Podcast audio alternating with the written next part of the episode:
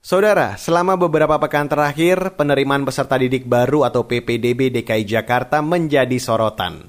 Banyak warga protes anaknya tersingkir dari seleksi karena terganjal syarat usia. Sementara Pemprov berkukuh, kebijakan itu sudah sesuai aturan. Simak laporan yang disusun jurnalis KBR, Valda Kustarini. Santi harus mengubur keinginan untuk menyekolahkan putrinya di SMP negeri. Akhir Juli lalu, ia mendaftarkan anaknya secara daring ke beberapa sekolah. Namun, tak satu pun yang lolos lantaran terganjal syarat usia. Umur anaknya kalah tua dibanding pendaftar lain yang diterima jarak dari rumah ke sekolah yang bersangkutan itu sama sekali nggak dihitung jadi benar-benar umur kebetulan umur anak saya itu 12 tahun 6 bulan 13 hari itu dalam jangka waktu setengah jam aja dari tiga sekolah yang dipilih itu langsung keluar gitu benar-benar nggak masuk. Semuanya itu nggak ada yang umurnya di bawah umur anak saya. Berarti anak saya nggak bisa masuk. Ia menyesalkan PPDB tahun ini menggunakan adu tua ketimbang adu nilai atau jarak. Menurutnya, jika berpegang pada Peraturan Menteri Pendidikan dan Kebudayaan Nomor 44 Tahun 2019, seharusnya kriteria zonasi lebih dikedepankan. Jarak rumah Santi dengan sekolah tak sampai 2 km, tetapi anaknya tetap tersingkir. Mendingan dikembalikan seperti tujuan awal dari jarak peraturan Kemendikbud kan jelas itu jarak yang diambil. Apabila ada dua siswa yang dengan jarak yang sama, kita pertimbangkan dengan nilai. Jadi anak-anak yang sudah berusaha semaksimal mungkin untuk mendapatkan mendapatkan nilai yang baik itu bisa dipertimbangkan dengan kondisi kayak gini banyak banget anak-anak yang sangat kecewa. Menanggapi banjir protes ini, Kepala Dinas Pendidikan DKI Jakarta Nahdiana mengklaim syarat usia sudah sesuai dengan Permendikbud. Hanya saja, pelaksanaannya baru dilakukan tahun ini. Penggunaan seleksi berlapis dilakukan karena tingginya angka peminat tapi tak diimbangi dengan jumlah sekolah negeri. Menurutnya, calon siswa tetap diseleksi berdasarkan zona kelurahan. Jika pendaftar membeludak, maka akan disaring dengan kriteria usia. Zona sekolah di DKI Jakarta karena di berbasis kelurahan tentunya sebanyak 267 zona di setiap jenjang pendidikan.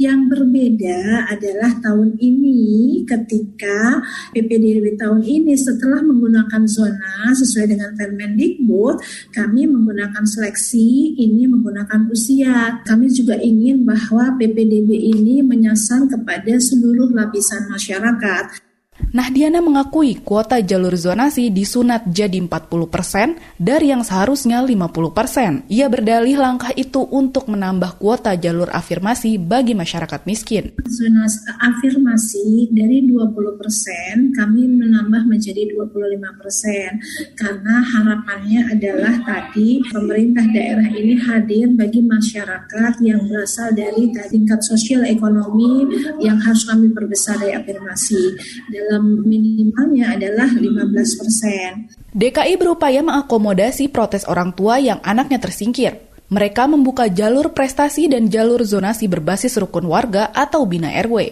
Namun peluang ini tak menarik minat Santi. Ia sudah terlanjur kecewa dengan sistem PPDB tahun ini. Ia memasukkan anaknya ke sekolah swasta zona RW saya udah nggak ikutan lagi. Kayaknya udah nggak deh cukup ya saya urusan sama PPDB DKI ini. Udah nggak tega udah ngeliat anaknya secara mental mereka tuh udah yang drop banget. Tambahan aja sih anak saya akhirnya masuk swasta. Persoalan utama PPDB DKI Jakarta dinilai bukan terletak pada syarat usia. Menurut pengamat pendidikan Doni Kusuma anak berusia lebih tua memang diprioritaskan mendapat pendidikan. Biasanya anak tersebut terlambat sekolah karena terkendala faktor ekonomi dan akademis. Mereka yang lebih tua didahulukan karena anak-anak ini bisa jadi dia SD, lulus SD, tetapi kemudian dia karena kemiskinannya, anak ini nggak sekolah. Dia ini sebenarnya memberi prioritas pada mereka yang seharusnya memperoleh hanya terlebih dahulu, tetapi kemudian dia tidak memperolehnya karena ada persoalan ekonomi. Doni mengkritik PPDB DKI yang salah kaprah sejak awal. Proses seleksi harusnya mulai dari jalur zonasi, tetapi Dinas Pendidikan malah mendahulukan jalur afirmasi.